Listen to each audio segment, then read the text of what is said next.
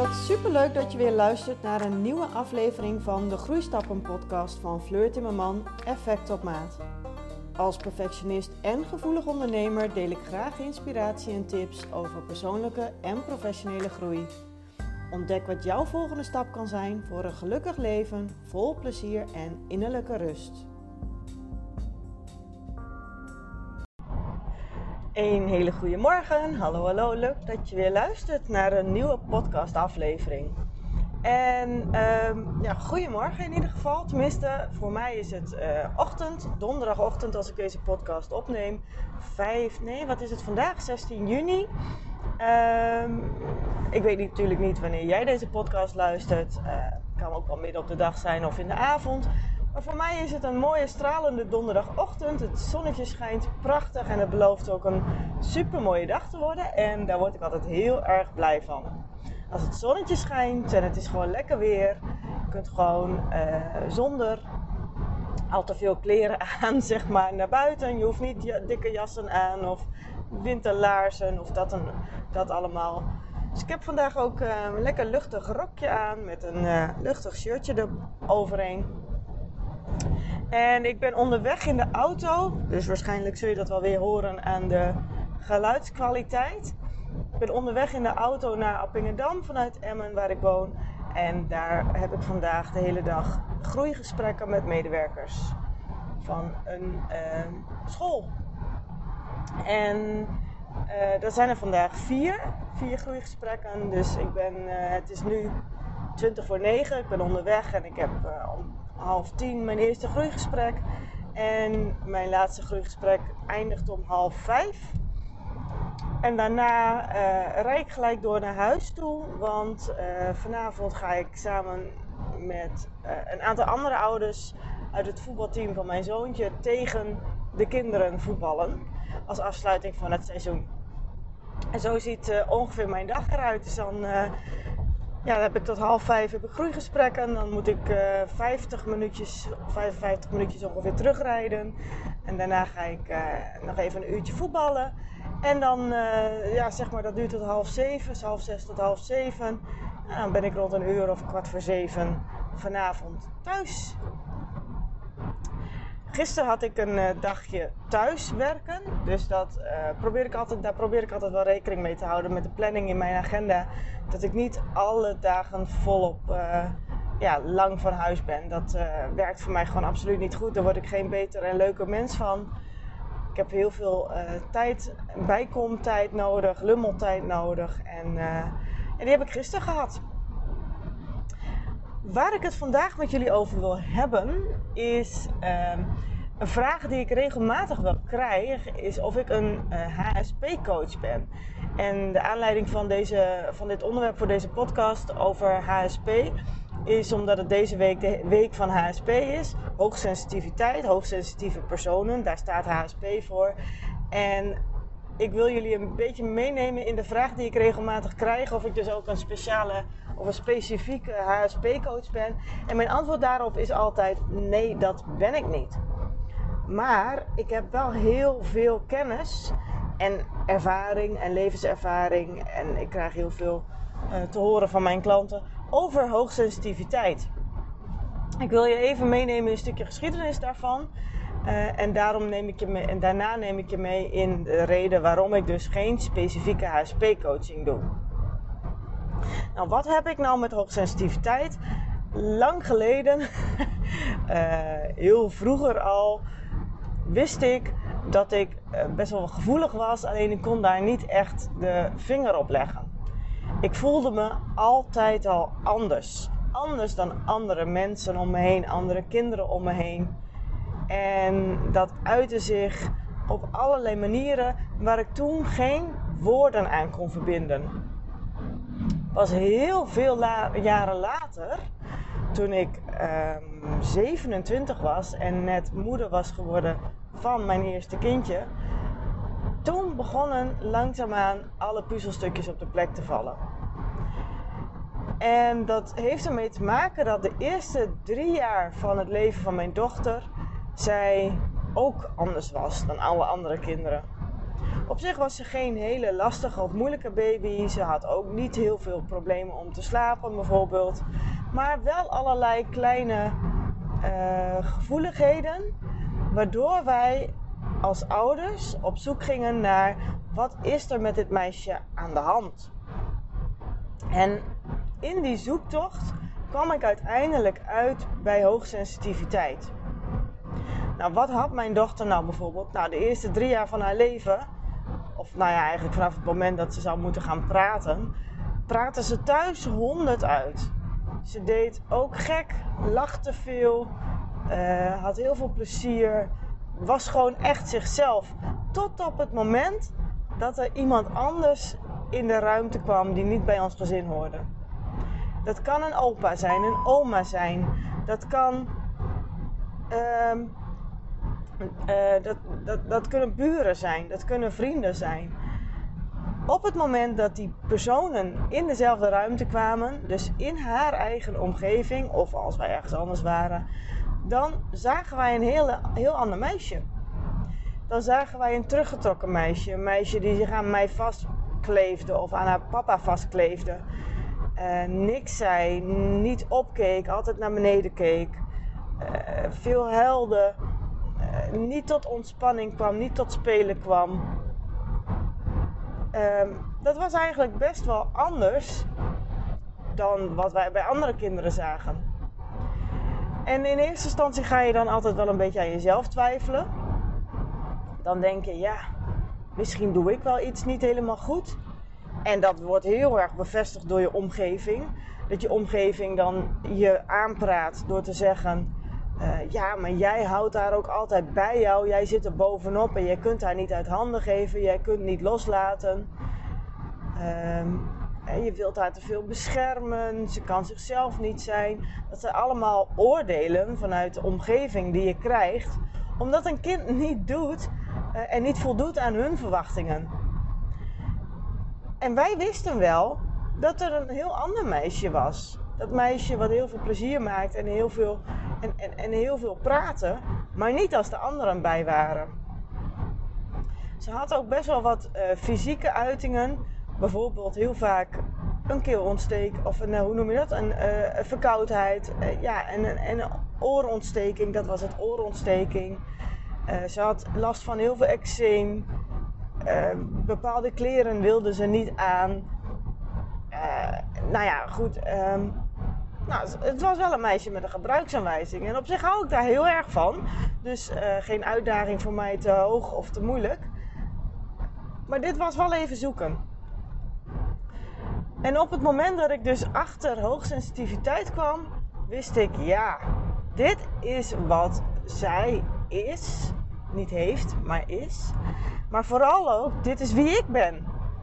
Wow, wat, wat ontstonden daar veel puzzelstukjes op de plek. Het verklaarde waarom ik altijd in relaxte kleding loop. Ik heb echt heel veel moeite met uh, kleding wat, wat, wat stug aanvoelt, wat, wat niet lekker zit, wat niet comfortabel aanvoelt. Mensen zeggen heel vaak tegen mij: ja, jij kunt alle kleding hebben, alles staat je hartstikke leuk. Ja, dat is hartstikke leuk. Maar niet alles voelt even leuk en lekker. En dat maakt dat ik toch een bepaalde kledingstijl heb, waarbij ik gebruik maak van zachte stoffen, uh, labeltjes uit de kleding knip. En um, toch wel vaak de wat joggingstofachtige kleding draag. Hele zachte spijkerbroeken met veel elasta elastaan, of hoe noem je dat? Elastiek erin. Um, ja, dat voelt voor mij heel erg fijn. Wat, ook, wat ik ook merkte is dat ik heel goed snap dat als ik me heel erg prettig voel, dan kan ik het hoogste woord hebben. In vriendengroepen of uh, waar ik me veilig voel, zeg maar. Dan nou, dan kan ik mij prima laten gaan en ben ik helemaal mezelf. Maar op het moment dat ik in een onbekende omgeving kom, dan ben ik echt wel heel erg introvert. Dan kan ik heel erg de kat uit de boom kijken. Um, wat er ook gebeurde is, ik ben negen maanden ziek geweest. Tijdens mijn beide zwangerschappen heb ik negen maanden over, overgegeven. Eh, vanaf, nou ja, vanaf de vierde, vijfde week, dus niet helemaal negen maanden, uh, tot en met de laatste dag voor de bevalling. En in het begin was dat wel zo'n 30 keer per dag. En aan het einde was dat ongeveer nog zo'n 1, 2 keer per dag. Dus dat nam wel af. Maar dat gaf ook achteraf heel erg aan dat ik heel gevoelig ben voor hormonen. Nou, als je het hebt over hormonen, dan weet ik daar nog heel veel over te vertellen in mijn jeugd. Oh, wat ik was ik ontzettend gevoelig voor hormonen. Elke keer als ik ongesteld moest worden, dan uh, was ik zagrijnig, depressiefachtig. Nou, noem het allemaal maar op. Ik heb daar heel veel last van gehad. Waar ik ook heel veel last van heb gehad, is het reizen in uh, een bus of achter in een auto. Um, wat gebeurde er als ik met de bus naar school ging? Ik viel bijna elke dag in die bus flauw. Want het was dan winter, het was druk in die bus, veel mensen, veel energie om me heen. Ja, en wat gebeurde dan? Mijn lichaam die, die sloot zich af. Die dacht, hier heb ik geen zin in. Ik schakel mezelf uit. Nou, dan viel ik weer flauw. Super lastig. Dat zorgde er ook voor dat ik heel snel zorgde dat ik mijn rijbewijs had. Want dan kon ik met de auto, met de naar school. Wat er ook gebeurde is als ik op drukke plekken was, dat mijn lichaam dacht: Ja, weet je, Fleur, dit is te gek. Je vraagt hier nu te, te veel van jezelf en uh, dit kan ik niet aan. Ik uh, sluit mezelf wel af. En nou, dat, dat betekende dus dat ik midden in een casino bijvoorbeeld flauw viel. Of uh, midden op, uh, in een grote stad als ik op vakantie was een weekendje weg bijvoorbeeld. Dan viel ik gewoon midden in de grote stad viel ik flauw. Bij, waar heel veel mensen waren. En super onhandig. Um, en achteraf weet ik nu wat er steeds gebeurde. En was het als het ware een, een beschermingsmechanisme van mijn eigen lichaam tegen overprikkeling. Al die prikkels en al die energieën kwamen te hard en te veel binnen. En ik zorgde niet goed voor mezelf. Dus zorgde mijn lichaam ervoor dat ik dat wel moest doen. Ook om die reden ben ik echt van overtuigd dat ik twee keer een, een HG-zwangerschap heb gehad. Een hyper, hyperemesis gravidarum, zoiets. Uh, dat betekent dus dat je last hebt van extreme misselijkheid. Als ik dat niet had gehad, dan was ik misschien wel te veel, door, te veel doorgegaan en had ik niet voldoende rust genomen. En dat was wel nodig voor de zwangerschap van mijn kindje. Nou is elke dag overgeven ook niet heel erg rustig en relaxed. Maar het heeft er wel voor gezorgd dat ik ehm, niet ging werken. Allemaal uh, tekenen voor mij dat ik heel veel last heb gehad van overprikkeling in mijn jeugd. Waar ik het ook heel erg aan gemerkt heb, dat ik heel gevoelig ben, is dat um, ik ben geadopteerd en ik ben terechtgekomen in een gezin wat uh, niet zoveel met gevoelens had. Mijn ouders zijn uh, intellectueel ontzettend goed en hoog opgeleid. Maar sociaal-emotioneel zijn ze wat minder sterk. En dat heeft ervoor gezorgd dat ik als gevoelig kind mij eigenlijk. Ik ben bruin, voor degene die mij nog nooit heeft gezien. Ik heb een kleurtje. En dat heeft ervoor gezorgd dat ik altijd mezelf als het ware letterlijk het zwarte schaap van de familie heb gevoeld. Omdat ik altijd anders was. En ik, ik had zoveel emoties en zoveel gevoelens en zoveel gedachten. En ik kon er nergens mee heen. En dat heeft zich ook wel geuit in een hele moeilijke, uh, vervelende jeugd. Waardoor ik ook eindelijk sta waar ik hier nu sta. Dus het heeft me wel gebracht en gediend wat ik nodig heb in mijn leven. Maar op dat moment was het niet echt heel erg geweldig. En zeker niet omdat ik mezelf gewoon totaal niet begreep. Eventjes terug naar mijn dochter. Um, nou, uiteindelijk ga je dan ontdekken wat zij nodig heeft. Ze had ook bijvoorbeeld heel veel structuur nodig. Uh, voorbereiding, planning. Wat heb ik gedaan? Ik heb bijvoorbeeld een magneetbord gekocht. En ik heb van alle mensen in onze omgeving heb ik een foto gemaakt. En die foto heb ik um, uitgeprint en gelamineerd. En daar heb ik magneetjes van gemaakt. En op het moment dat zij dan naar school ging of naar de BSO ging of um, dat er familie kwam op visite of vrienden, dan zorgde ik ervoor dat ik die gezichtjes of die tekentjes eh, of die logo's op het magneetbord had geplakt. Dus ik had volledig een zelfontworpen magneetbord gemaakt. En dat zorgde ervoor dat zij al gedurende de hele week voorbereid werd op dat er bijvoorbeeld in het weekend vrienden langskwamen. En als die vrienden er dan waren, dan duurde het ongeveer een uur, anderhalf uur, twee uur voordat ze ontdooid was. En dat ging steeds beter. En dat ligt er ook aan hoe die vrienden zich opstelden. Als je de hele tijd aan haar aan het trekken was en, en aandacht van haar wilde, dan duurde het veel langer. Liet je haar gewoon even geworden en haar eigen ding doen. Dan ontdooide ze echt wel op een gegeven moment duurde het soms maar een half uur. In die, in die tijd dat, zij, eh, dat we dus op ontdekkingstocht gingen met haar, had ik inmiddels ook al een tweede kindje gekregen, mijn zoon. Ook hartstikke gevoelig. Hij was een huilbaby. Achteraf weet je heel erg dat het allemaal te maken heeft gehad met zijn gevoeligheid. Gevoeligheid in dit geval ook gevoelige darmen. Gevoeligheid voor lactose. Gevoelig voor prikkels. Ook eczeem. Nou ja, ook hij had heel veel klachten rondom hooggevoeligheid. En in die tijd ging ik echt werkelijk waar naar elke lezing, elke cursus die ging over hoogsensitiviteit. En dat waren er trouwens nog helemaal niet zoveel, want er was nog helemaal niet zo heel veel bekend over hoogsensitiviteit. En dat is gelukkig in de afgelopen jaren steeds meer tot ontdekking gekomen en zijn er steeds meer mensen mee bezig geweest om dat te onderzoeken ook. Nou ja, alle cursussen, alle lezingen, alle workshops, alle boeken daarover gelezen. En zoals altijd, wat ik doe, is omdat ik dan heel veel over iets, een bepaald onderwerp uitzoek, word ik daar ook gewoon als vanzelfsprekend een expert in. En niet omdat ik dat alleen maar lees vanuit de boeken, maar omdat ik het ook altijd kan toepassen in de praktijk. En ook altijd uh, daar de, directe ervaring aan kan, kan koppelen. Dingen uitproberen, dingen uitzoeken.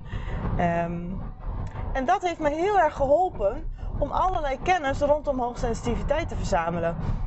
Op een gegeven moment ben ik begonnen uh, aan het begin van het opstarten van mijn bedrijf met het uh, organiseren van themabijeenkomsten over hoogsensitieve kinderen. Want dat is waar ik heel veel informatie over had. En als leerkracht in het onderwijs had ik ook te maken met hoogsensitieve kinderen. Hoewel er niemand dat, zeg maar tussen aanhalingstekens, labeltje had. Want iedereen had een andere stoornis. Maar uiteindelijk wist ik ook wel dat er misschien wel kinderen waren die onterecht een bepaald labeltje hebben gekregen van een bepaalde stoornis. Um, even, ja, hoe ga ik nou dat bruggetje maken naar waarom ik dus geen specifieke HSP-coach ben? Ik heb ook wel geleerd in alle opleidingen en cursussen die ik daarna nog allemaal heb gedaan over persoonlijke ontwikkeling, contextuele begeleiding, NLP, psychosociale basiskennis. In al die opleidingen heb ik ook wel geleerd dat de wereld niet alleen maar bestaat uit HSP. En ieder mens is uniek en ook jij bestaat niet alleen maar uit je HSP-kenmerken. Ja, je kunt een heleboel HSP-kenmerken hebben.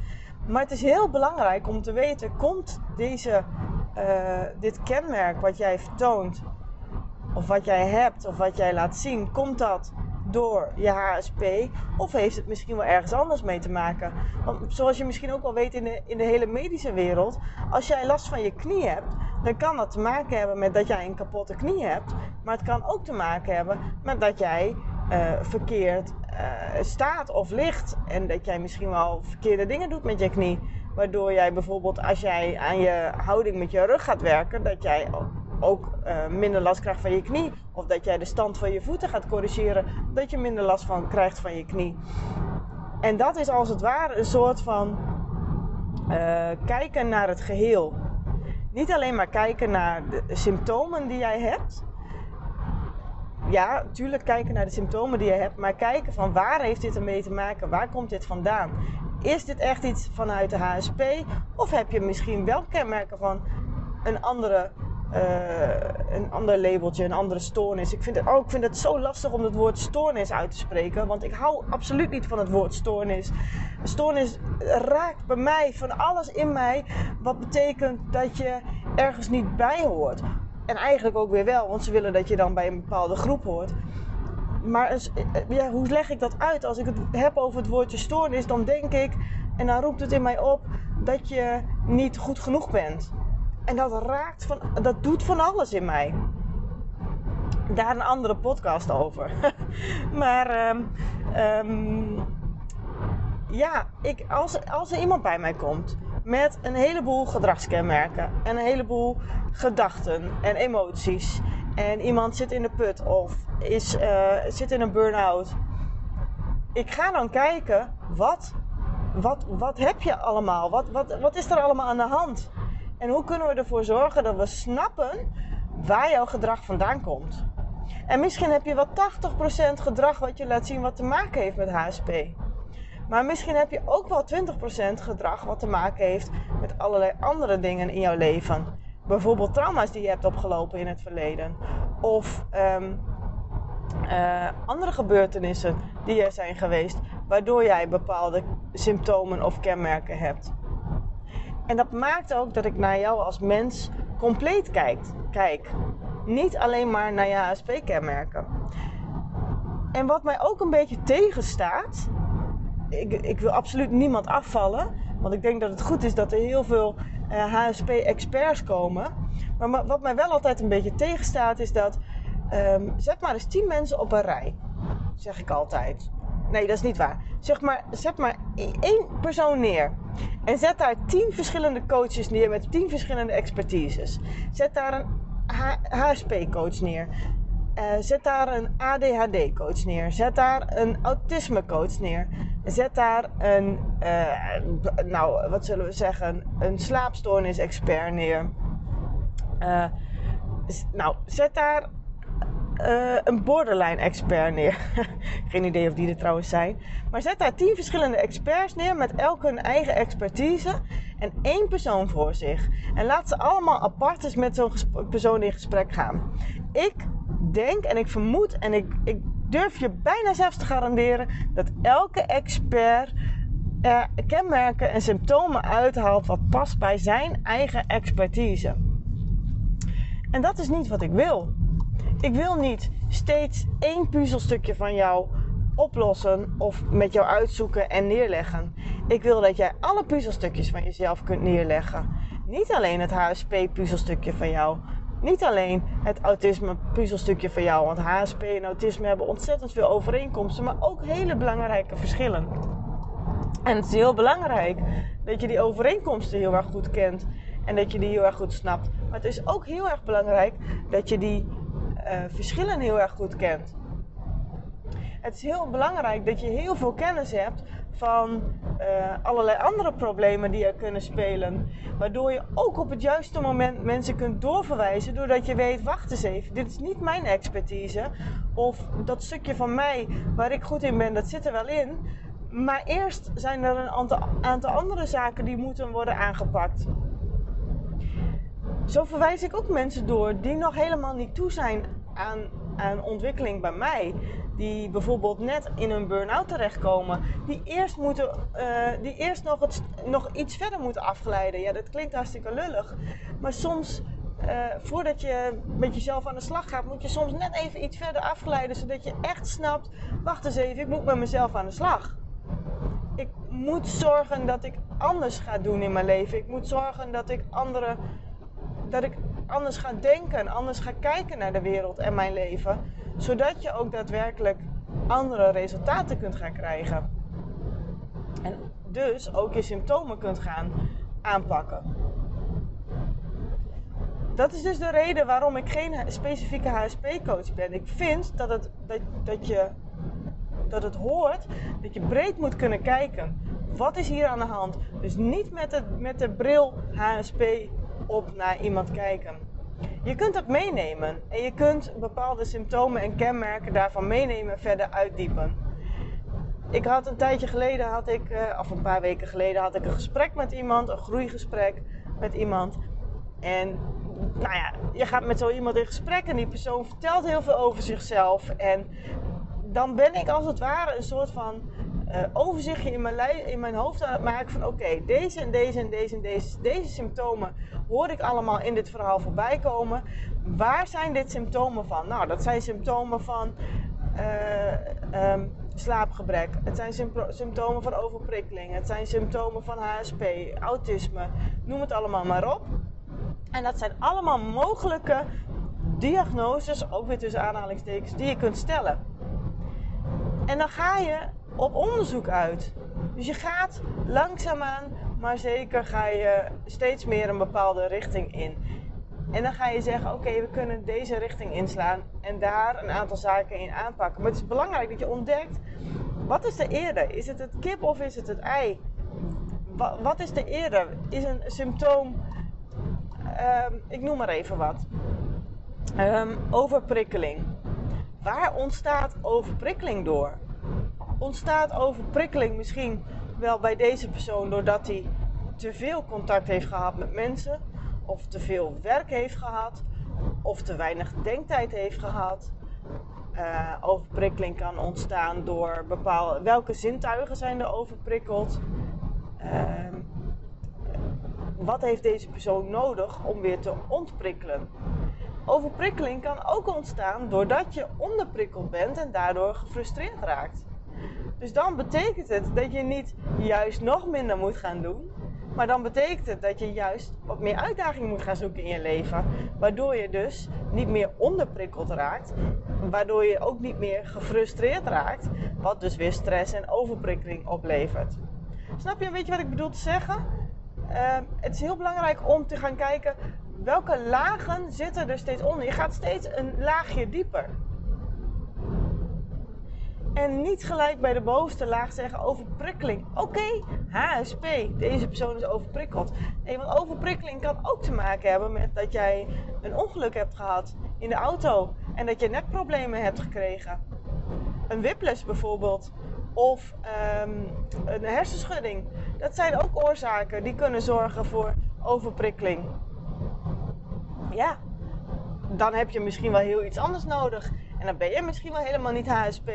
Maar is jouw overprikkeling of snel overprikkeling of snel overprikkeld worden, heeft dat te maken met dat, dat jij een ongeluk hebt gehad en dat jij misschien wel uh, problemen met je, jouw, jouw nek en jouw spieren hebt.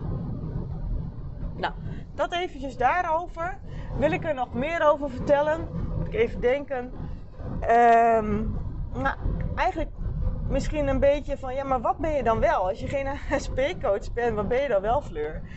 Ja, dat vind ik soms wel een beetje lastig om te zeggen. Want ik ben daar toch wel een beetje over aan het nadenken. Wat voor naam geef ik nou aan wat ik doe? Ben ik een verandercoach? Volgens mij heb ik dat zo op Facebook staan. Verandercoach. Ja, ik ben wel een verandercoach. Omdat je bij mij um, gaat veranderen. Je gaat veranderen in je gedrag. Je gaat veranderen in je gedachten en in je emoties. En dat heeft allemaal weer met elkaar te maken. Dus je gaat veranderen in wie je bent. En ergens vind ik het ook altijd wel mooi. Ik heb geloof ik die quote ook op mijn WhatsApp staan. Um, als verandering je dichter bij jezelf brengt. Want dat vind ik heel erg belangrijk. Dat je weer dicht bij jezelf komt. Dat je ook weet wie je bent. En dat je jezelf snapt. Dat je bijvoorbeeld je eigen gebruiksaanwijzing kent. En uh, dat je weet waarom je bepaalde dingen doet. En dat je ook weet dat je eh, bepaalde keuzes kunt maken als je andere resultaten wilt. En wat doe ik nog meer? Ja, bij mij kun je groeien. Deze podcast heet de podcast Groeistappen. En elke dag probeer ik een klein stapje te groeien. En niet alleen voor mijn klanten, maar ook voor mezelf. En ik zei het laat nog tegen een klant: ik vind het zo heerlijk dat ik klanten verder mag helpen in hun ontwikkeling. Want dat brengt niet alleen hun verder, maar dat houdt mij ook ontzettend scherp. Want heel vaak de dingen waar mijn klanten tegenaan lopen, zijn ook voor mij mijn valkuilen. Op het moment dat iemand bij mij komt met perfectionisme, dan, dan is dat ook weer een trigger voor mij. Want ik ben een perfectionist in hart en nieren. En het, het zorgt ervoor, natuurlijk, ik weet hoe ik om moet gaan met mijn perfectionisme, maar het blijft een valkuil voor mij. En op het moment dat ik dan iemand anders daarin coach, hou ik mezelf ook daarin scherp. Dus dat betekent dat je bij mij kunt groeien. Groeicoach zou misschien ook een mooie naam zijn. Um, maar coach voor persoonlijke en professionele ontwikkeling zou ook bij mij passen. Het gaat bij mij om je persoonlijke ontwikkeling. En, en vaak gaat dat gepaard met je professionele ontwikkeling. Want hoe kun je een professional op het werk zijn als je geen persoonlijk leiderschap hebt? Als je niet weet hoe je jezelf kunt aansturen. Hoe weet je dan hoe je jezelf moet aansturen als je in een team werkt? Of als je met uh, uh, mensen werkt, met collega's werkt, met, met, met jouw klanten werkt. Um, dat, dan moet je ook beginnen bij persoonlijke ontwikkeling. Um, procesbegeleider zou ook een woord uh, zijn wat bij mij past. Want wat doe ik? Ik begeleid teams en individuen ook in hun proces, in hun groeiproces, in hun veranderproces, in hun transformatieproces. Eigenaarschap is ook zo'n woord wat, wat heel goed bij mij past op het moment dat, dat, ik, ehm, dat je bij mij komt, dan, dan gaan we bezig met eigenaarschap. Dat je de volle 100% verantwoordelijkheid neemt voor jouw leven. En niet waar je bent gekomen, want sommige dingen zijn je ook overkomen. Tuurlijk, maar daarna kun je de volle 100% verantwoordelijkheid nemen hoe jij daarmee omgaat. En welke volgende acties en stappen jij gaat zetten. Dus eigenaarschap is ook zoiets belangrijks. Communicatiecoach, is dat een. Uh, ja, je, weet je, je kunt overal coachen zijn, alles, je kunt alles bedenken wat je maar wilt. Dat maakt het ook wel een beetje lastig. Communicatiecoach. Ik steek eigenlijk alles in vanuit gedrag gedragscoach zou misschien ook wel heel erg mooi zijn. Alles vanuit gedrag, dat is hetgene als je een ijsberg voor je ziet. Een ijsberg heeft altijd een deel boven water en een heel groot deel onder water. Gedrag is hetgene wat je ziet wat boven water is. Gedrag is wat je kunt zien, wat je kunt voordoen en wat je kunt nadoen. Maar onder dat gedrag zit een heleboel uh, behoeftes, drijfveren, je motivatie, je emoties, je gedachten. Alles wat er in je omgaat zit onder die waterlinie. En communicatie is ook een uiting van jouw gedrag. Non-verbaal gedrag, verbaal gedrag is communicatie. Dus ja, een communicatiecoach zou ik ook kunnen zijn, want communicatie valt ook onder uh, hetgene wat ik bij jou probeer aan te pakken. En samen met jou probeer te onderzoeken. Ik houd er maar even op dat ik een coach ben voor persoonlijke en professionele ontwikkeling, voor individuen en voor teams. En vandaag ben ik bezig met individuele gesprekken. Vandaag heb ik, eh, als ik straks aankom, heb ik individuele coachingsgesprekken of groeigesprekken met medewerkers, waardoor zij weer in een team anders kunnen gaan acteren. Dus anders kunnen gedragen, waardoor je die team behavior, wat is het teamgedrag, ook weer kunt veranderen. Je bent als het ware één puzzelstukje aan het plaatsen en aan het draaien en aan het leggen, zodat hij weer lekker past in, dat gehele, in die gehele puzzel. Zodat het weer heerlijk één geheel gaat worden en dat het allemaal uh, soepel past en, en loopt. Dat is waar ik ook vandaag mee bezig ben en ik heb er enorm veel zin in. Uh, vier gesprekken, zoals ik al zei aan het begin van deze podcast. En um, ik denk dat ik weer heel veel mooie, um, ja, mooie gesprekken ga hebben vandaag. Ik heb al wat voorbereidingen gedaan en uh, ik ben benieuwd. Misschien komt er wel weer een heel mooi onderwerp uit voor een nieuwe podcast. Ik, heel vaak als ik bijvoorbeeld in de tuin aan het werk ben of onder de douche sta, dat zijn de momenten waarop mijn podcast-ideeën ontstaan. En daarom weet ik ook gewoon, ik kan veel meer podcasts opnemen. Waar ik wel mee bezig ben, is het onderzoeken van mijn eigen stem. En niet eens zozeer mijn, letterlijk mijn eigen stem, maar wel in ik wil heel graag podcast opnemen op een soepele manier en, en de woorden goed kunnen vinden. En daar ben ik, nou ja, dat moet je me misschien ook nog maar even een beetje vergeven, omdat het nog maar mijn eerste podcast zijn. Misschien heb ik daar wel 50 podcasts voor nodig om dat goed te krijgen. Om daar mijn eigen zoen aan te geven en mijn eigen manier in te vinden. Want ik wil heel graag podcasts opnemen op een makkelijke manier. En als perfectionist is dat heel erg lastig. Dat ik ook bijvoorbeeld genoegen moet nemen met achtergrondgeluiden. Of dat ik soms niet uit mijn woorden kom. Of dat ik misschien wel in herhaling val. Dat moet ik ook weer los gaan laten. Of dat ik misschien van een hak op de tak spring. Dat is het ook een beetje bij mij. Ik moet heel erg zorgen dat ik praat in een bepaalde structuur.